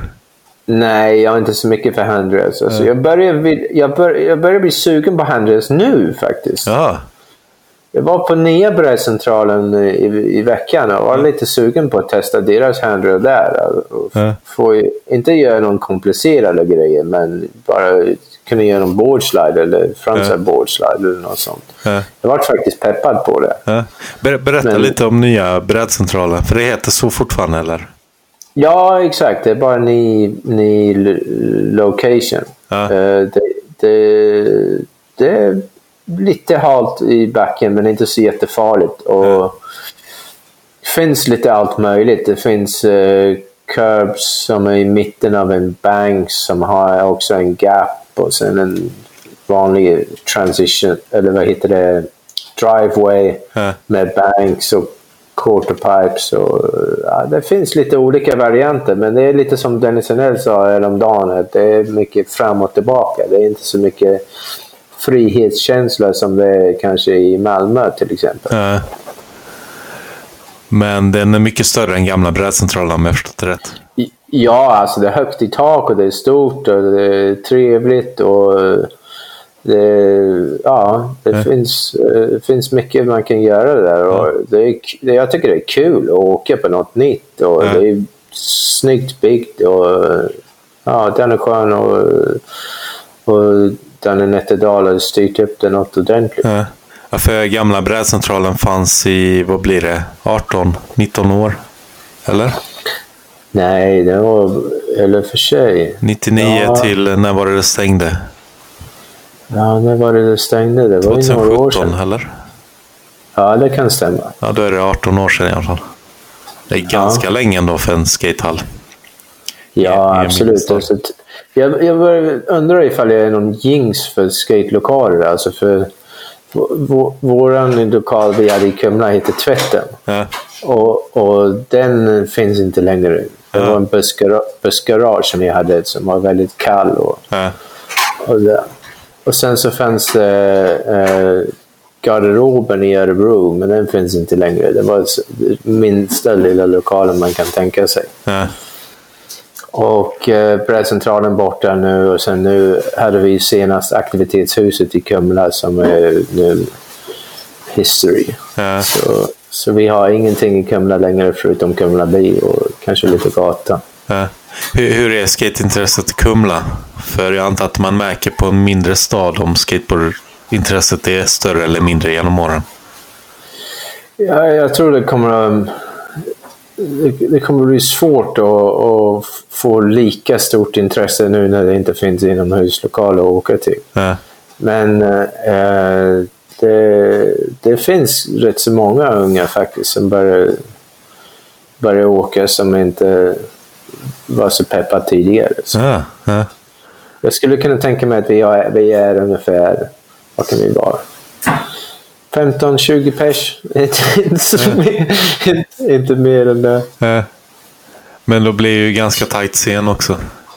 På ett annat Ja, ja, absolut. Ja. Men nu blir det väldigt splittrat för att på sommaren så... så ja, vi försöker st- styra upp så att, eller jag försöker som ordförande i Kumla Skateboardförening st- styra upp så att eh, de ordnar flatten på Kumla by. Ja. Alltså be- betongytan. Så, eh, betongyta på basketplanen istället för att eh, det ska vara en... Ja, det ser riktigt risigt ut nu i alla fall. Ja. Eh, om vi går tillbaka till Night One. Du har gett pro-model till någon också. Berätta mer. Ja, det, det stämmer. Det var Anthony Damasio i eh, London. Ja. Ehm, jag fick tips om en, från en kompis i Milton Keynes som ligger nära Northampton att eh, han var väldigt vass. Och jag såg footage på honom och han hade riktigt bra pop och bra street och där. Och Ja.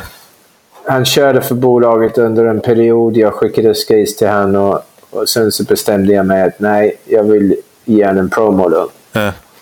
Så eh, han är italien, halvitalienare så eh, jag gjorde en italiensk eh, fotbollströja med hans namn på, och. Ja.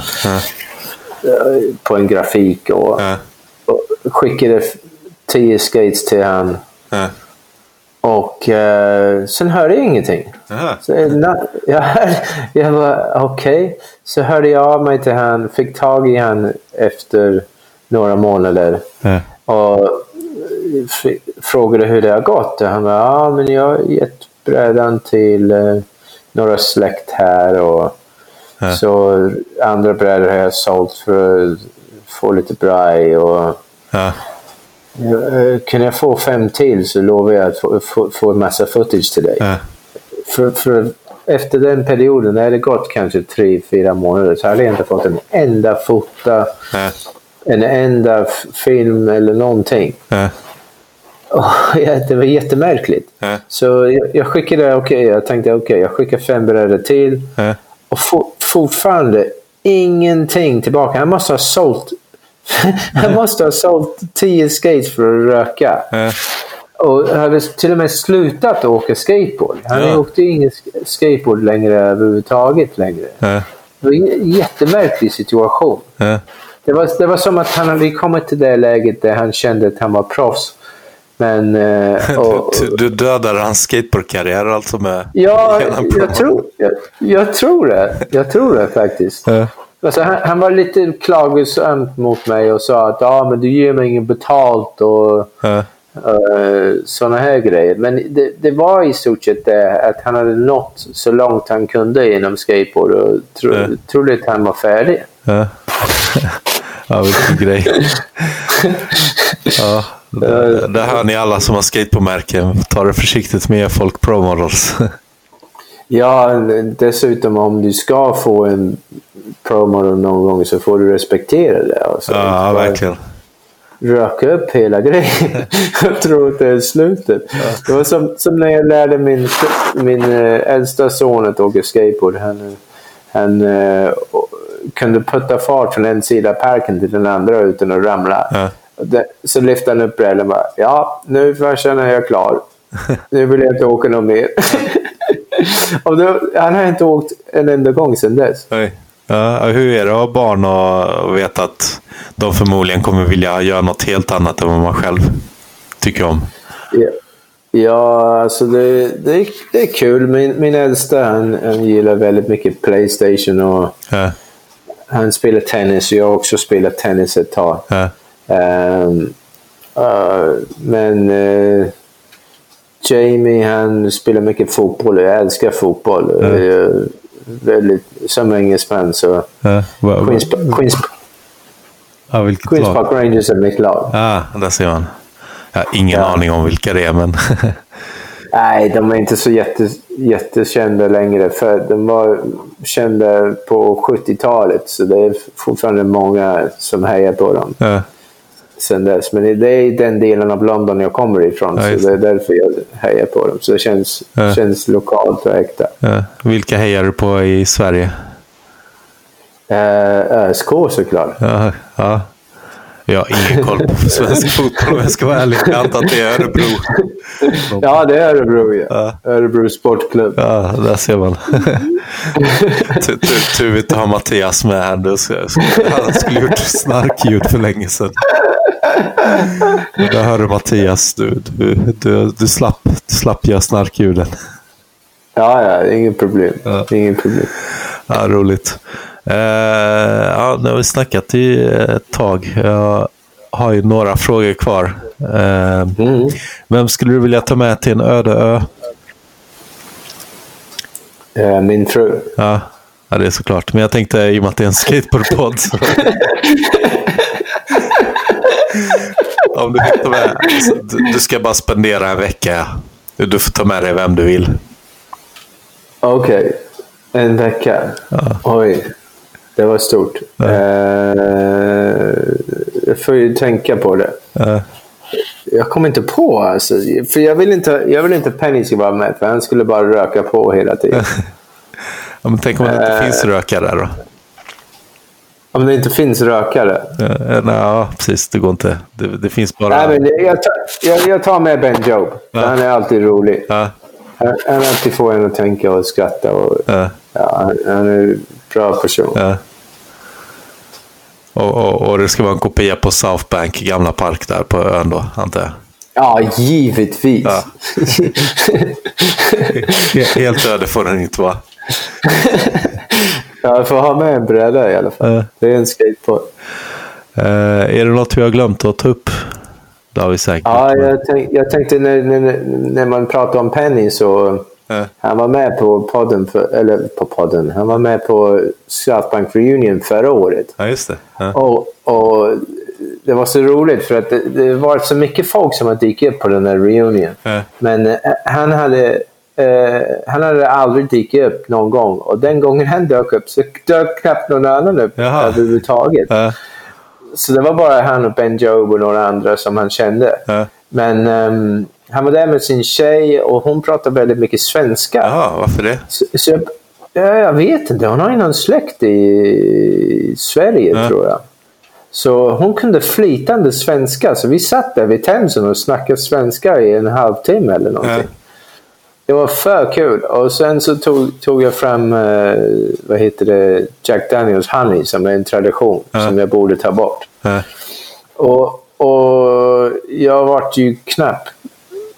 Alltså jag var så full. Så vad heter det? Jag ramlade ner på knät. Och sen, jag skulle plocka upp en keps. Så gick jag ner på knät och lutade mig framåt och gjorde en faceplant framför Tom Pennys fötter. Och bara låg där. Och jag var ju där. Och jag kunde inte röra mig. Jag kunde inte flytta på mig. Jag visste inte vad jag skulle göra för någonting. Ja. Jag visste bara... Så, så jag tror jag fick hjälp av Kalle eller någonting. Kalle som, eh, som är på Night One också. Ja. Och, och, och balansera mig tillbaka. Men det var, jag, jag, jag kom, de gick strax efter det. Jag tyckte det var ganska pinsamt. Men du känner Penny sen förr? Jag menar, du har ju pratat med henne, eller? Ja, jag känner inte han så bra, men jag har träffat han vid flera tillfällen. Ja. Som till exempel i uh, Cantalos. Ja. När han rippade loss med sina switch frontside flips, the hard way över hippen. Och, Ja. och, och sen somnade han i, i, vid gräset vid sidan om. Ja, ja. Eh, små kidsen började kasta burkar på honom innan mina polare uh, jagade dem bort. Ja. Men när, när han vaknade var han helt som en tomat i facet. Alltså. Det var ju, för det var, så, det var sommaren då. Ja. Och, eh, nej, jag snackade med honom vid flera tillfällen. Han har ju, till, han har ju s- skatat min bräda runt omkring eh, South Bank. Ja. Han hade ingen egen bräda med sig. Han hade sina Timberland boots. Ja. Och eh, han eh, tog min bräda och gjorde Nolly 360 i bangset och sånt där. Ja. De här kä- kängorna. Alltså jag tyckte det var skithäftigt. Men han, han, han kommer inte ens ihåg det. Men, men, eh, nej, men han träffar så mycket folk runt hela jorden och röker Ja. så mycket braj så Ja. det är inte, det är inte konstigt. Eh, men ja, si- sista frågan då. Eh, vem skulle du vilja Ja. se i podden? Vem Eller- skulle jag vilja se i Eller, podden? eller höra kanske. Jag brukar alltid säga fel på den här frågan. Jag tycker någon som skulle vara bra vore uh, Danny Schön. Ja. Faktiskt. Ja, han har tackat ja. Han har tackat ja. ja. Vad bra. Men han var ganska full visserligen. Men han har tackat ja. Jag har videobevis på det. Ja. Nej, nej, men jag hoppas att, att vi kan göra det med Danne. Det, han har säkert massa roliga stories att berätta också. Ja, det tror jag. Det. Speciellt från Millencolin Open. Och, och, och jag vill ju veta varför han ropar upp mitt namn en gång när han skulle ropa upp allas namn. Eh, det var någon lördag där när han kom in. Och hotellet hade blivit trashat som vanligt. Och då sa han att eh, ja, nu vill jag ta ett allvarligt snack med följande personer. Och så säger han Dennis Shopovic. Och sen säger han ingenting på en minut. alla bara tittar på mig och jag bara, vad har jag gjort? Ja, vad bra. Jag vet att Kylleberg bara tittar på och bara, Dennis, vad har du gjort i natt? Eh, Men det visade sig att han, skulle, han hade ju bara fram en lista på alla som bodde på hotellet. Det var bara han nämnde mitt namn och bara tog en paus där på en minut. Så det var en väldigt konstig känsla. Men det, det, ja, det ska bli kul att ha med honom i ett pod- poddavsnitt framöver. Mm, Eh, vill du hälsa till någon eller säga något, några sista ord? Ja, eh, jag skulle vilja hälsa till min fru, Mm. barn. Eh, We Acid, eh, G-spot. Eh, Vem är det mer i Sverige? Core kanske lite grann. eh, Den som är gjord bakom det. eh, Eh, alla som är sponsrade med PE på Kaleidoscope. eh. Eh, no beef där, absolut inte. Jag vill bara göra min egen grej. eh. Och eh, ja, simma lugnt. Får jag tacka dig så mycket för att du ställde upp på podden. Och jag tycker också att det var grymt att du berättade ganska öppet också om dina maniska perioder. Mm. Och eh, ja, hoppas att det fortsätter på ett eh, lu- lugnare väg än vad du gjorde tidigare för dig. Ja, jag med. Ja. Fast förut, förutom på skateboard, det får du ver- verkligen vara. Ja, jag det- hoppas att vara nå- någon form av huligan på en Ja, ja. ja, långt. Du ska ju börja köra handrails nu har du sagt. ja, jag hoppas det.